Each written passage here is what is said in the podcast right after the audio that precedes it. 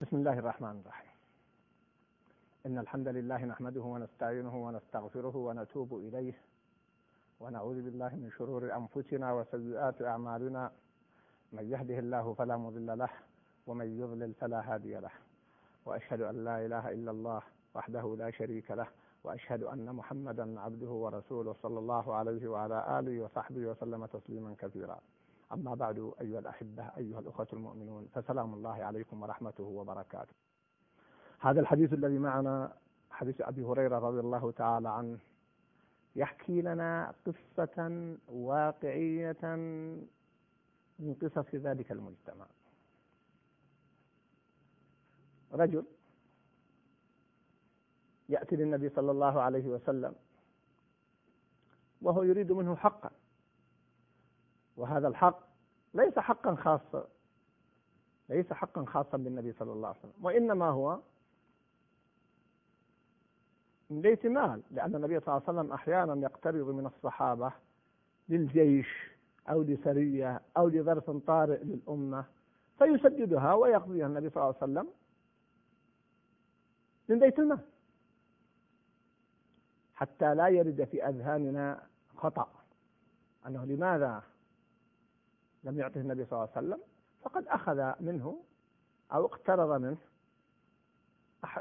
من أجل أن يسدد له كما حدث في أكثر من مرة كما في حديث عبد الله بن عمرو رضي الله تعالى عنهم أو حديث أبي رافع. كلها تدل على النبي صلى الله عليه وسلم قد يقترض من الصحابة على إذا جاءت الصدقة أو تمكن وفى النبي صلى الله عليه وسلم. وأيضا النبي صلى الله عليه وسلم كما تحدثنا سابقا في قضية الجانب المالي مات النبي صلى الله عليه وسلم ودرعه مرهون عند يهودي. بل في يوم من الأيام جاء يهودي معه ملابس.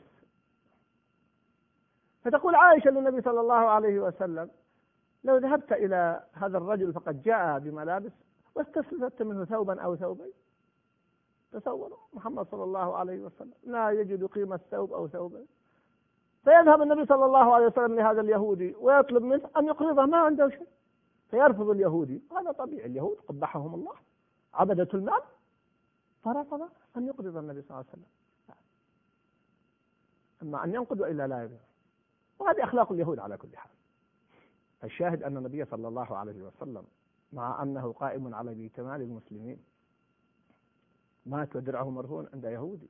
يجلس الشهر والشهرين لا توقد النار في بيته صلى الله عليه وسلم. يستسلف يذهب ليهودي من أجل أن يستسلف. ثوب أو ثوبين. الله أكبر. الله أكبر. أيضا فأقول يأتي هذا الرجل للنبي صلى الله عليه وسلم ويطالب بحقه وأغلظ له. ذلك الجيل مع فضله ومنزلته ومكانته. هم بشر. يقع لهم ما يقع للبشر.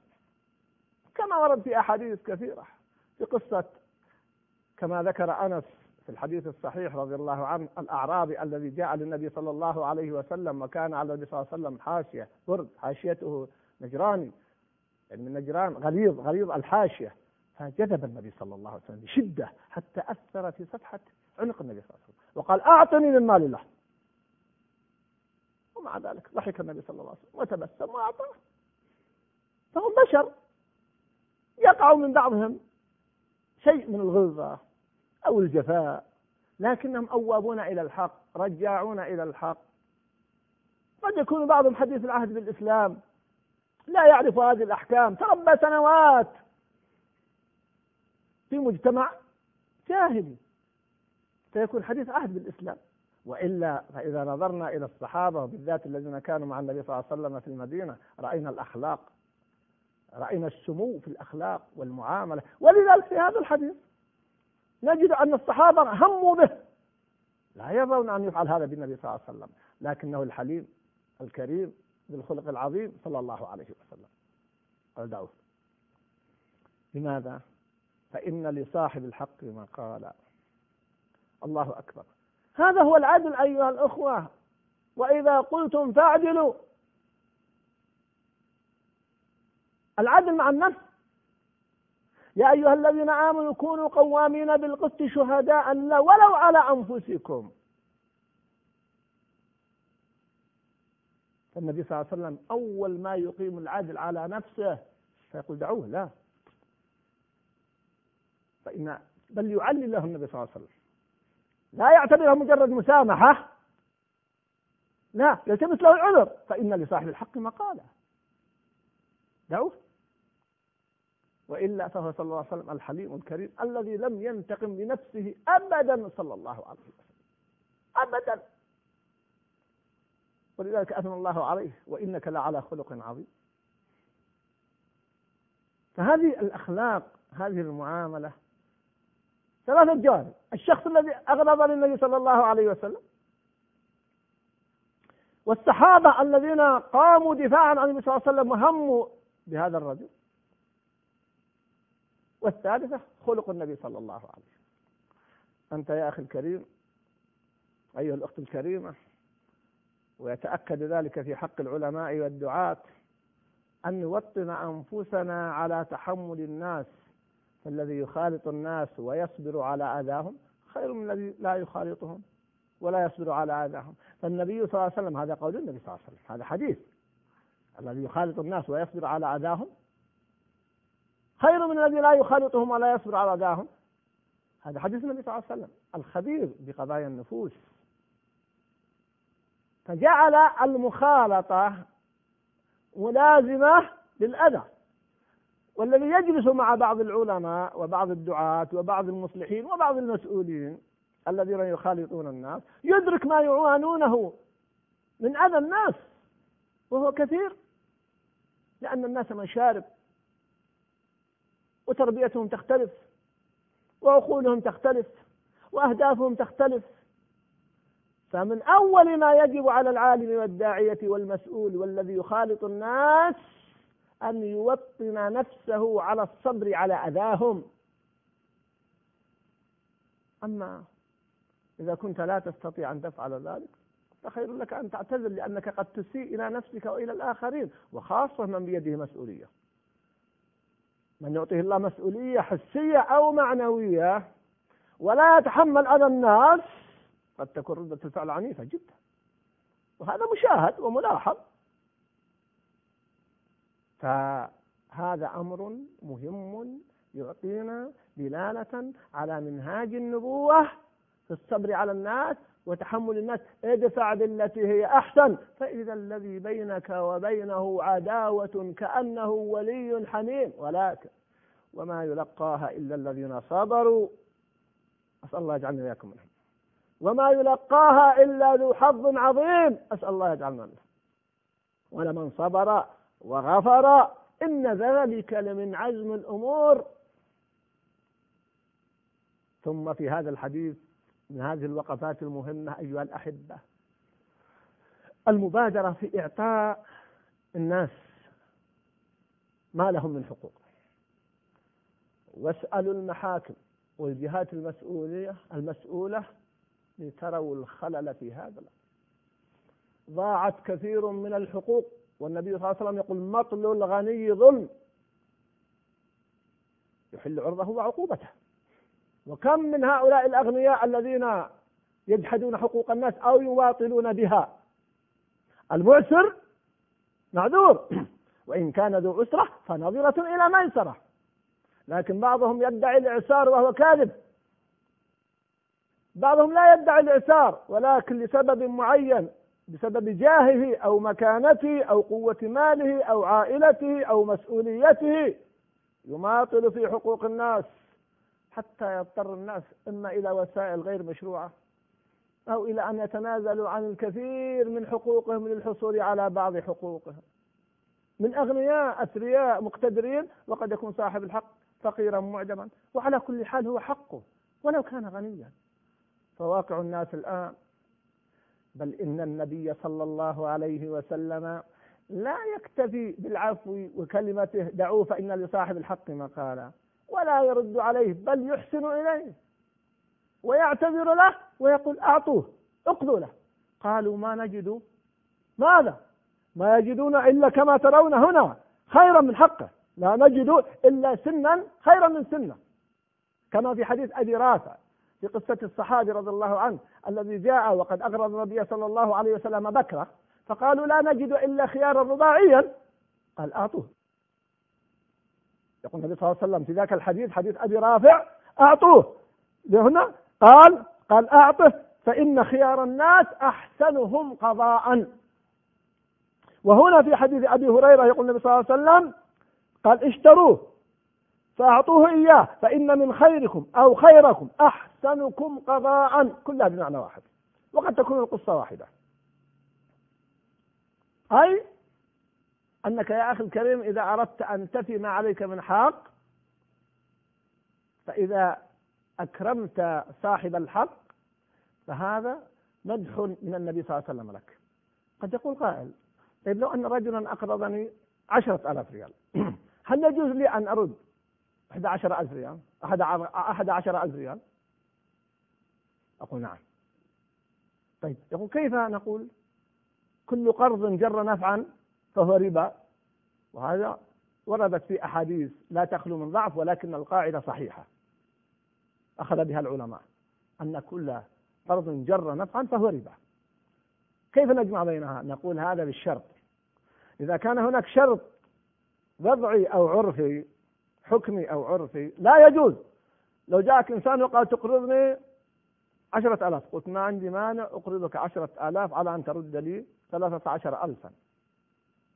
أو أقل أو أكثر. نقول لا يجوز هذا ربا محرم. كل قرض جر نفعا فهو ربا.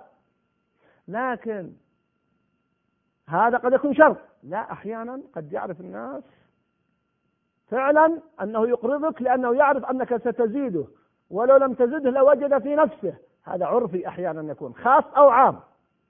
أيضا نقول لا يجوز هذا الخطأ لأنه الشرط العرفي له حكم الشرط الوضعي. وهذا معروف أيضا وتحدث عنه ابن القيم رحمه الله وغيره ترجع إليه. لكن لو كان عفويا كما حدث هنا أنك عندما اقترضت وأردت أن تعيد له المال أضفت إليه شيئا مناسبا دون شرط ودون تطلع. فلا حرج في ذلك. وهذا الذي ينطبق عليه الحديث. لما قالوا في حديث أبي رافع ما لا نجد إلا خيارا رباعيا. قال أعطه وهنا لما قال نجد إلا سنا أفضل من سنة أيضا. كلها أمر النبي صلى الله عليه وسلم بإعطائه والثناء أن خيركم أو من خيركم أحسنكم قضاء. وهذا حسن الخلق. فلنفرق بين المسألتين لأنها دقيقة جدا. الشرط الوضعي إذا كان شرط بينك وبينه أو عرفي يأخذ الحكم الوضعي هذا لا يجوز. أما إذا جاء عفويا فهذا خير ويدل على كرم وعلى خلق ولا حرج في ذلك. إذا هذا مما يجد من هذا الحديث العظيم. نجد أيضا أيها الأحبة في هذا الحديث أن القائد والعالم يجب أن يملك الناس بملك قلوبهم. قد لا تستطيع أن تملك أجسام الناس وهذا لا يتهيأ إلا من إلا الذي سلطان. إن الله لا يزع بالسلطان ما لا يزع بالقرآن. لكن العلماء هم الذين يملكون قلوب الناس. أطل هارون الرشيد أطل هارون الرشيد رحمه الله. وهارون بالمناسبة كان يحج عاما ويغزو عاما وقد مات في الغزو وقد ظلمه بعض المؤرخين باتهامات هو بريء منها وباطلة لأن صاحب له أو غير ذلك لا تلتفتوا إلى هذا الكلام. بل إن هارون من أعظم الخلفاء الذين مروا في التاريخ في الدولة العباسية رحمه الله وكان يحج عاما ويغزو عاما بل مات في الغزو. أقل يوم من الأيام من بيته. فرأى رجلا قد اجتمعت عليه الأمة وهو عبد الله بن مبارك كما في بعض الروايات التاريخية. فرجع إلى زوجته وفي نفسه يبقى بشر وسلطان وخليفة في نفسه شيء. قال زوجته لماذا؟ قال رأيت السلطان قد اجتمع عليه العالم. قالت أنت السلطان؟ قال لا ذاك السلطان. اقرأوا سيرة عبد الله بن المبارك تجدون والله عجبا في خلقه وكرمه وسخائه إنني أقول إن الأمة في هذه الظروف يحتاج العلماء إلى أن يملكوا قلوب الناس بالإحسان إليهم بالشفاعة بحسن التعامل بالتودد. فإذا ملكت قلبه فأبشر بالخير لكن إياك أن يكون لك قصد من مقاصد الدنيا. قل لا أسألكم عليه أجرا اتبعوا من لا يسألكم عليه أجرا والأجر كل منفعة دنيوية. تلك الدار الآخرة نجعلها للذين لا يريدون علوا في الأرض ولا فسادا. إياك أن يكون قصدك أيها الأحب الحبيب أيها العالم من أجل شهرة أو سمعة أو مكانة. لا. اقصد وجه الله جل وعلا. واقصد التحبب للناس من أجل أن يستمعوا إلى الحق الذي معك من أجل أن يطيعوك. ما أحوجنا إلى هذه المعاني ولو أخطأ الناس. هنا نملكهم. وهنا يستمعون إلينا أيها الأحبة. وهنا يتبع الحق خاصة في أوضاع أنتم تعلمون ضعفت فيه سلطة العلماء الحسية. قد يجدون منكرات لا يستطيعون أن يغيروها. فإذا الوسيلة إلى ذلك التعامل مع الناس مباشرة. بهدايتهم. فإذا أحسنت إلى الناس وملكت قلوب الناس أحبك الناس. نعم هذا له ثمن عظيم. أذكر قصة جميلة جدا أختم فيها هذا الحديث. تروى عن سماحة الشيخ عبد العزيز بن باز رحمه الله وقد اشتهر بحلمه وكرمه وصبحه ولذلك أحبه الناس. حتى أهل البدعة أحبوه أجمع عليه الناس رحمه الله. نسأل الله أن يغفر له. هذه القصة. جاءه رجل فطلب منه مالا. فكتب له الشيخ إلى الجهة التي تصرف المال مبلغا من المال وأظنه قرابة 500 ريال في وقت كان هذا المبلغ يعتبر كبيرا جدا. الرجل هذا ضعفت نفسه فوضع نقطة فأصبحت خمسة آلاف ريال. فاكتشفها المسؤول. فجاء وأعادوها للشيخ عبد العزيز بن باز. كانوا يتوقعون أن يأخذ الورقة ويمزقها وأن يأخذ الرجل وأن يؤنبه أو يأخذه إلى الشرطة. ماذا فعل؟ تدرون ماذا فعل؟ قال يبدو أنه محتاج. ما أضاف هذه النقطة إلا أنه محتاج. أعطوه المبلغ الذي ذكر فتأثر هذا الرجل وأصبح ممن يحب الشيخ ومن المقربين للشيخ. هذه أخلاق الأنبياء أسأل الله يجعلنا وإياكم من هؤلاء. الذين علت أخلاقهم والسلام عليكم ورحمة الله وبركاته.